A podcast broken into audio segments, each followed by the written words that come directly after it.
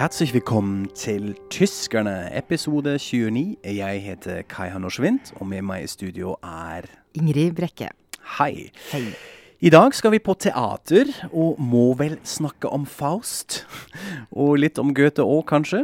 Eh, så byr vi på et veldig investigativ ord. Men først tenkte vi å snakke litt om, eh, hvordan skal jeg si det litt diplomatisk nå, tysk hypokondri, kanskje. Jeg har hatt eh, flere norske venner som har undret seg veldig over at vi har så mange apoteker i Tyskland. Hvis man ser for seg en helt vanlig gågate, en helt vanlig tysk by, så er dette jo helt sant. Helt sikkert flere apoteker som man går forbi da.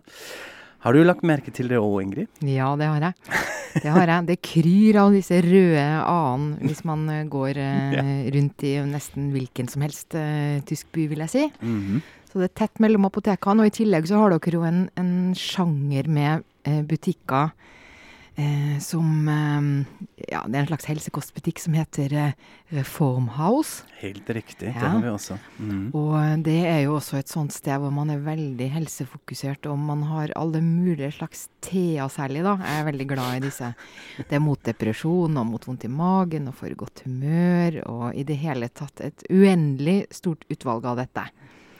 Sånn at det er nok eh, litt annerledes i, i eh, Tyskland eh, enn i Norge, vil jeg si, da.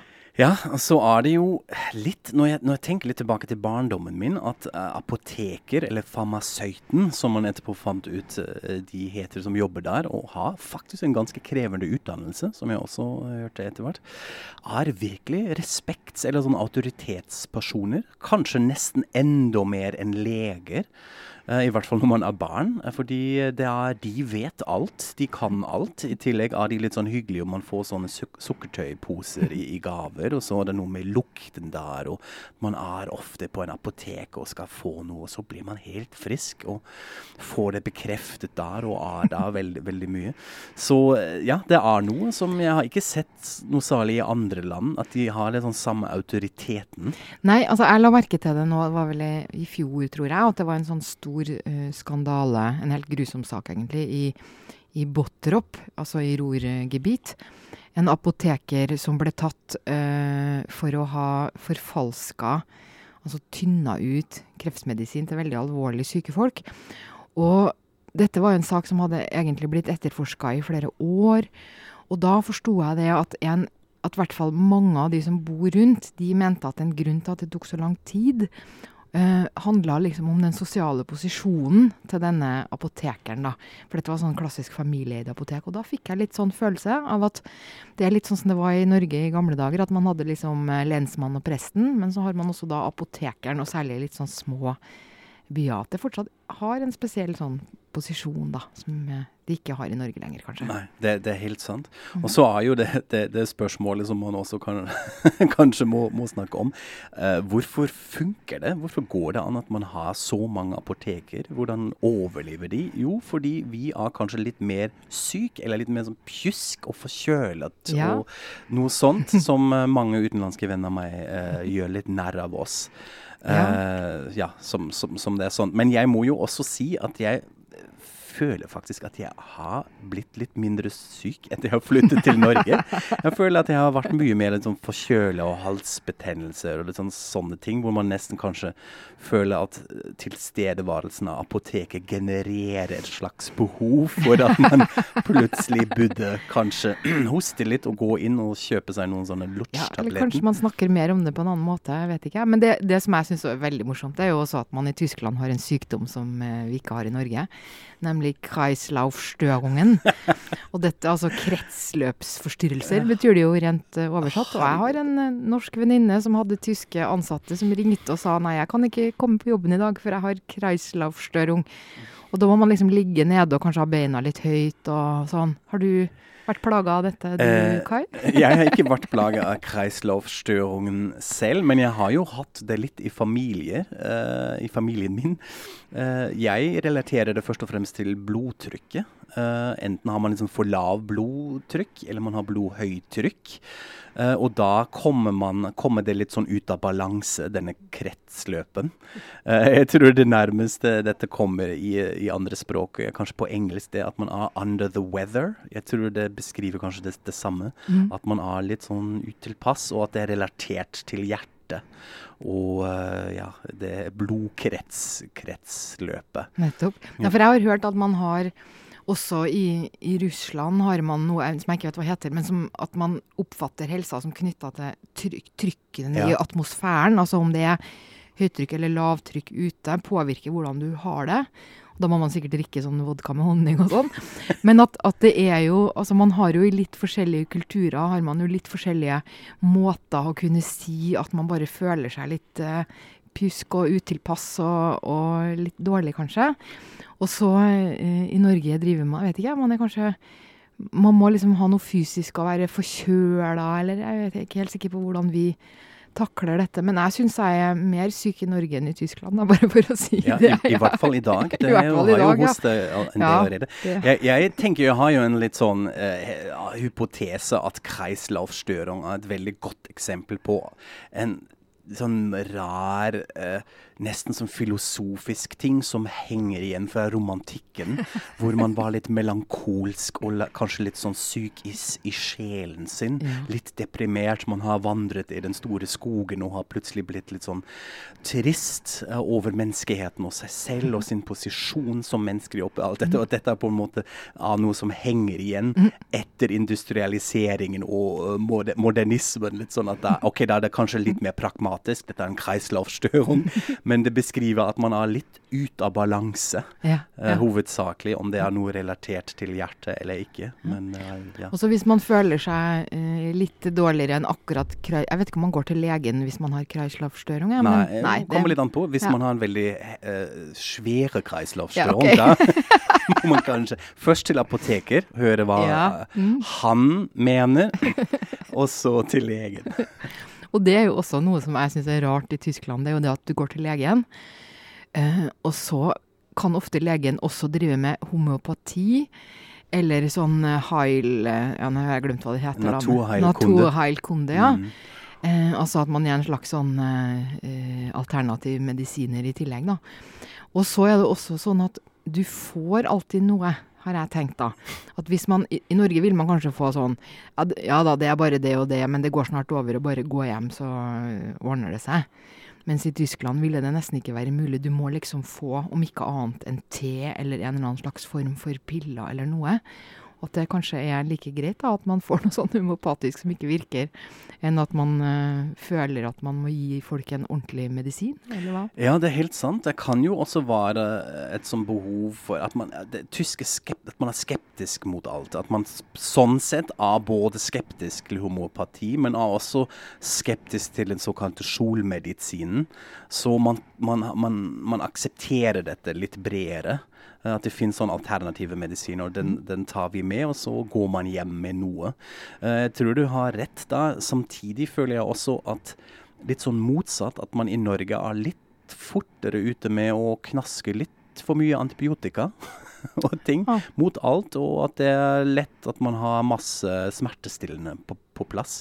Som man ikke gjør i Tyskland så mye. Sånn Ibux og Paracet som bare ligger ved nattbordet, som man knasker litt sånn godteriaktig. eh, så det Jeg vet ikke. Eh, Kommer om- vel an på hva slags nordmenn du kjenner. ja, det jeg, jeg, jeg hører det mens Ja. jeg sier det. Kanskje det er et litt feil anekdotisk eh, bevisføring her. Men akkurat hvordan forskjellene ser ut, Ja. det vet jeg ikke. Ja, for det er jo noe med det, Nå har vi følt mye om, eh, om forskjellene, men jeg har jo selvfølgelig vært på Google og funnet ut litt hvordan det er. da. Fordi Ah, jeg tenkte at uh, uh, f.eks. en måte å måle dette på eh, Har tyskerne mer helseangst, går de oftere til legene? Det finnes det jo statistikk på. Oh, Hvor mange legebesøk har eh, de forskjellige landene Ja. i, i året? Og da syns jeg det er skuffende liten forskjell, må jeg bare si. Men vi er jo rasjonelle, så vi må jo bare tro på statistikken. Og da har Norge eh, 10,4 eh, legebesøk per person i gjennomsnitt. eh, mens Tyskland har 11,3. Oi, okay. Og begge deler er veldig høyt. Altså i sånn sammenligner hele Europa, så er det okay. langt over gjennomsnittet. Ja, hvem leder Ja. det hele? Sveits. Sveits har 12,3. Ja. Og så kommer Frankrike. Ok. Ja da. Mhm, Tyskland, Sverige, Norge. mhm. Og aller nederst er Tyrkia med 4,2. Ok. Så sånn er det. En annen målestokk eh, er jo legetetthet. Eh, Hvor Mhm. mange leger er det per innbyggere? Og der er det ble jeg litt overraska, for det er flere leger per innbygger i Norge. Ok. Ja da. Mhm. Og det siste som jeg måtte sjekke, da, det er hvordan står det egentlig til med disse apotekene. Yeah. Og der hadde vi heldigvis rett i, våre, i, vår, i vårt føleri. Oh. Det er flere apoteker eh, i Tyskland enn i Norge per innbygger. Yeah. Og det som også er interessant, altså det er Per apotek så er det nå 6000 innbyggere i Norge, og bare 4000 i Tyskland.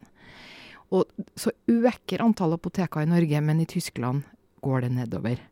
Okay. Sånn at uh, denne følelsen vi har, er helt uh, riktig. Helt riktig. Ok, men da da er jeg litt lettet at det er Mhm. noe sånn angstete og uh, litt irrasjonell som vi kan holde fast i. Det, det er veldig fint. Fint å få det bekreftet også. Ja, skal vi gå fra det ene tyske hypokondriet til det andre, kanskje, for å konstruere en slags eh, overgang her. Uh, Ingrid, du og jeg vi har jo vært på teater, og da fikk vi beskjeden at vi må nå snakke om Faust. Fordi sånn Ja. heter forestillingen som går nå på hovedscenen på Nationaltheater. Uh, en nytolkning av den store tyske klassikeren av Johan Wolfgang von Goethe, Faust. Uh, iscenesatt av det hele av den islandske hotshot-regissøren Torleifur Ørn Arnarsson. Og den har fått veldig mye oppmerksomhet. Ikke bare positiv. eh, og siden både du og jeg har sett den, så tenkte vi vi kan snakke litt om Faust eh, i dag. Vi var jo ikke på teatret sammen, dessverre. eh, men jeg hadde med meg samboeren og en venninne, og begge av norske. Og allerede før vi skulle inn i salen, så følte jeg at man egentlig ikke forbinder så mye med Faust her i Norge som man gjør i Tyskland. Stemmer dette? Ja, det vil jeg si. Altså, vi har jo vår Ibsen, eh, og en, en del andre eh, som jeg ikke kommer på akkurat nå, men eh, vi har andre. Eh, og Goethe er ikke sånn kjempestor for oss, og, og du skal nok være ganske litteratur- eller, eller og eller teaterinteressert eh, for å ha noe sånn veldig forhold til Goethe. Så det leses ikke på videregående, f.eks.? Nei, jeg er ganske si Nei, det, altså jeg Mm. tror nok at man på et eller annet tidspunkt berører personen Goethe som liksom skikkelse og vitenskapsmann og forfatter og sånn. Det blir nok nevnt på videregående, gjetter jeg. Men jeg, har, jeg leste jo Faust, men det var jo først på, fordi jeg tok grunnfag i litteraturvitenskap på universitetet. Ja, okay. Da gjorde vi det. Sånn at øh, det er ikke sånn allmennkunnskap, vil jeg si. Sånn at når man kommer og ser Og, og så ble jo jeg også litt forbausa uh, over dette teaterstykket, fordi jeg hadde hørt på forhånd at uh, det egentlig ikke handler om øh, det er, det er jo ikke en oppsetning av Faust. Og likevel så begynner det med en sånn lang, direkte monolog som er henta rett ut. Den store åpningsmonologen. Den store åpningsmonologen, ja. Så det var jo en Vi skal jo ikke drive med teaterkritikk her, men jeg syns jo ikke dette var så helt eh, fantastisk, må jeg si. Men det som jeg også syns var kjempeinteressant, så grunnen til at jeg syns dette må vi bare snakke om, det er jo at når vi møttes etterpå, så sa du at denne kanskje ikke kunne vært satt opp eh, i Tyskland. Og det syns jeg var veldig eh, forbløffende. ja, da var jeg kanskje litt sånn ekstrem i min tolkning, men vi må gjerne komme tilbake Ja. til det etter hvert. Jeg tenkte kanskje at vi må kanskje si litt om hva Faust Ja. er, egentlig. fordi nå har vi sagt at nordmenn ikke har et så særlig forhold til Faust, så må vi kanskje gjøre noe med det. Ja. Altså Hva den egentlig handler om, eh, er jo kanskje litt interessant. Den ble først publisert i 1808, og forteller da historien om Heinrich Faust, en vitenskapsmann, en forsker, en ja, sånn nysgjerrig sjel, som er først og fremst opptatt av å samle kunnskap, om å få vite alt. Og da snakker vi på tvers av alt det går an å vite. Naturvitenskap, filosofi, rettsvesen, historie, alt som fins. Og han er rett og slett plaget av nettopp denne kunnskapstørsten, fordi han må innse at det ikke går an å forstå alt. Surprise, surprise. Eh, eller å finne den ultimate sannheten, eller å finne ut hva som holder universet sammen, som det heter i, i stykket. Så først prøver han da å ta livet av seg, men blir heldigvis eh, distrahert. Og så gjør han noe veldig dumt, nemlig å inngå en pakt med selveste djevelen, som heter Mefisto uh, i det stykket.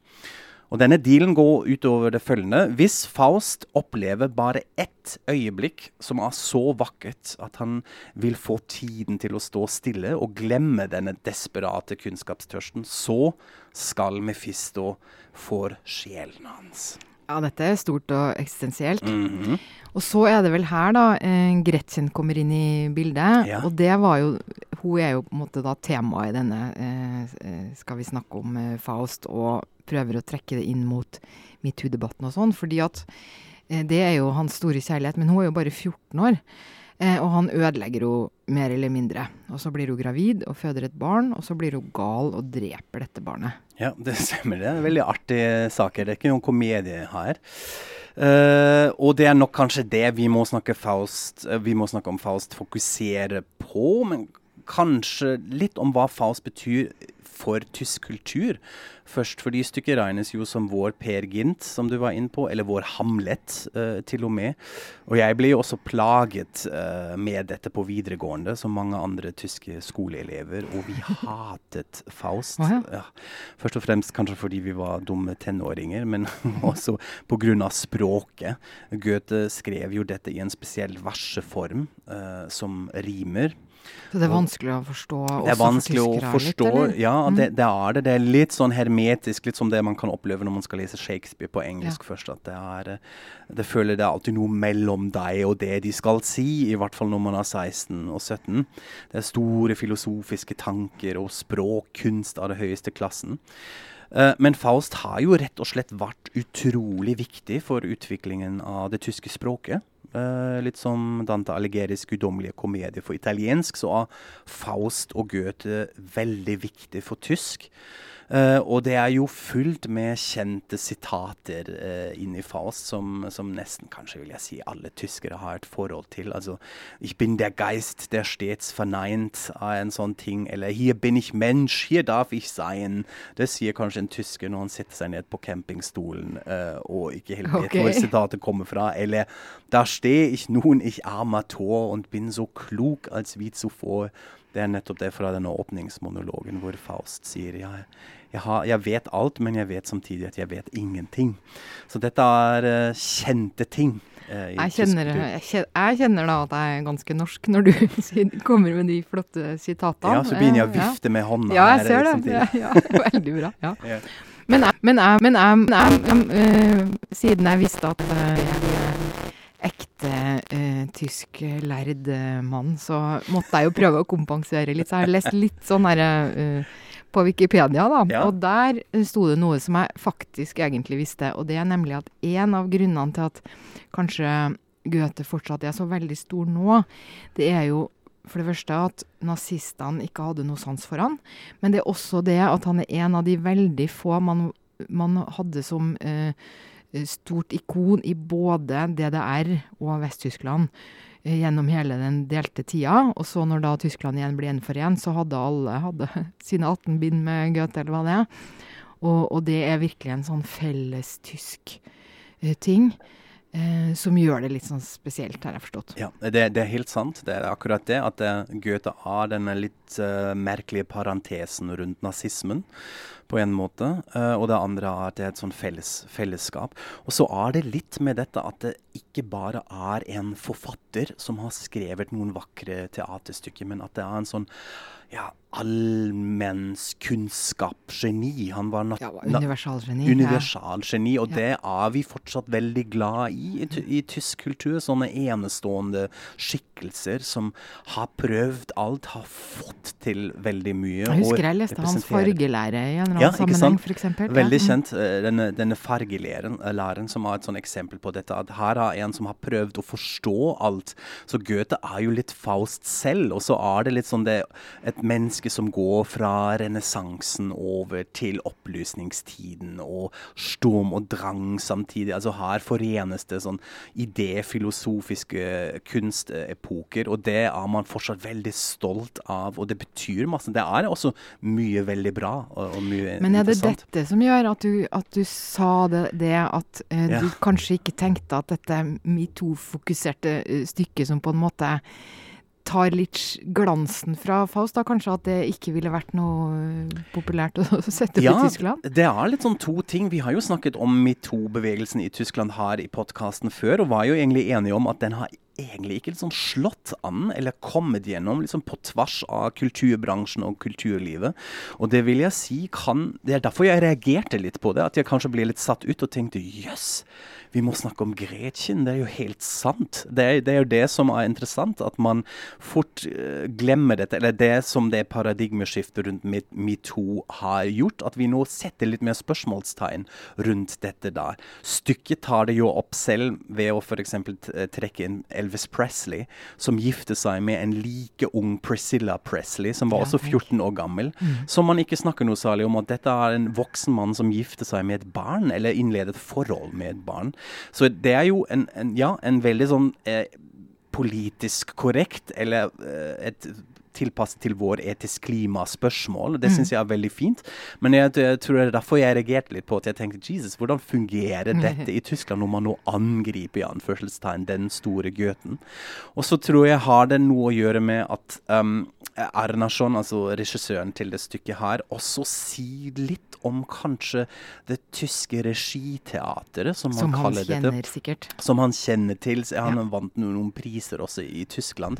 Det har vi jo fortsatt i dag. Altså disse store, selvhøytidelige, full av seg selvende alfahanner som dominerer tyske teaterlandskapet, som Klaus Peimann, Leander Hausmann, Thomas Ostermeier eller Frank Castor fra Volksbühne i Berlin. Altså sånne store regissører som da tar hvilket som helst stykke, og gjerne sånne klassikere, og retolker det. Og det handler nesten ikke noe særlig om stykket lenger, men om dem.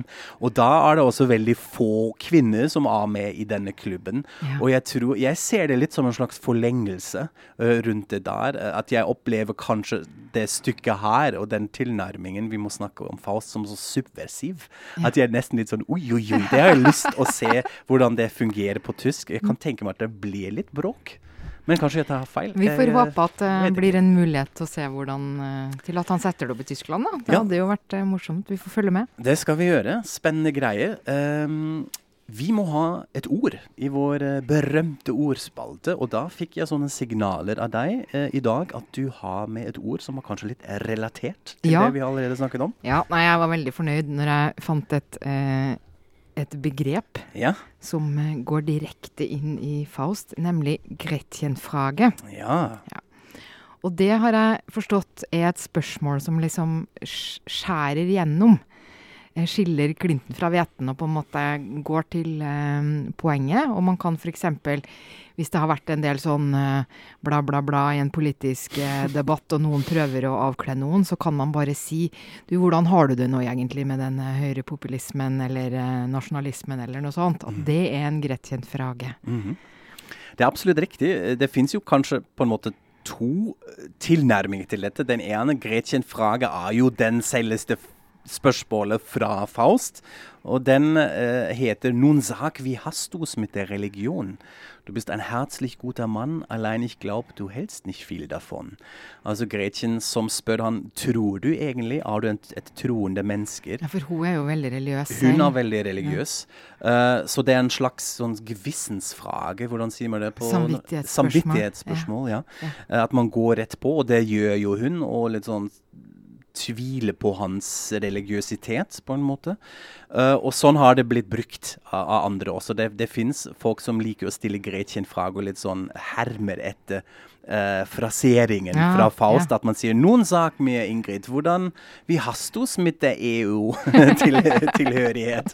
det kunne man uh, litt sånn bruke i en norsk kontekst som en slags Gretchen-frage. Er du med eller mot EU? Sånne ting. Så ja, et samvittighetsspørsmål er kanskje best, som går rett på, kutter gjennom uh, svada og small eh, talk. Så det er i hvert fall noe Gretchen har bidratt med, da. Absolutt. I, eh, Så vi må snakke om Gretchen, og selv om dette er kanskje litt krevende, så kan vi kanskje også anbefale å gå og se det stykket her uh, i Oslo, hvis man har muligheten. Eller etter hvert i Kanskje. Tyskland. Kanskje. Nei, vi er ikke helt enige her. Ok, vi får se. Men send oss gjerne en tilbakemelding om det, hvis dere har sett dette, eller uh, også ja, har tanker om Faust og alt mulig annet. Uh, følg oss på Facebook. Lik og del betyr dette med andre ord. Uh, så sier vi takk for oss. straks tilbake og sier Auf Wiederhören. Auf Wiederhören.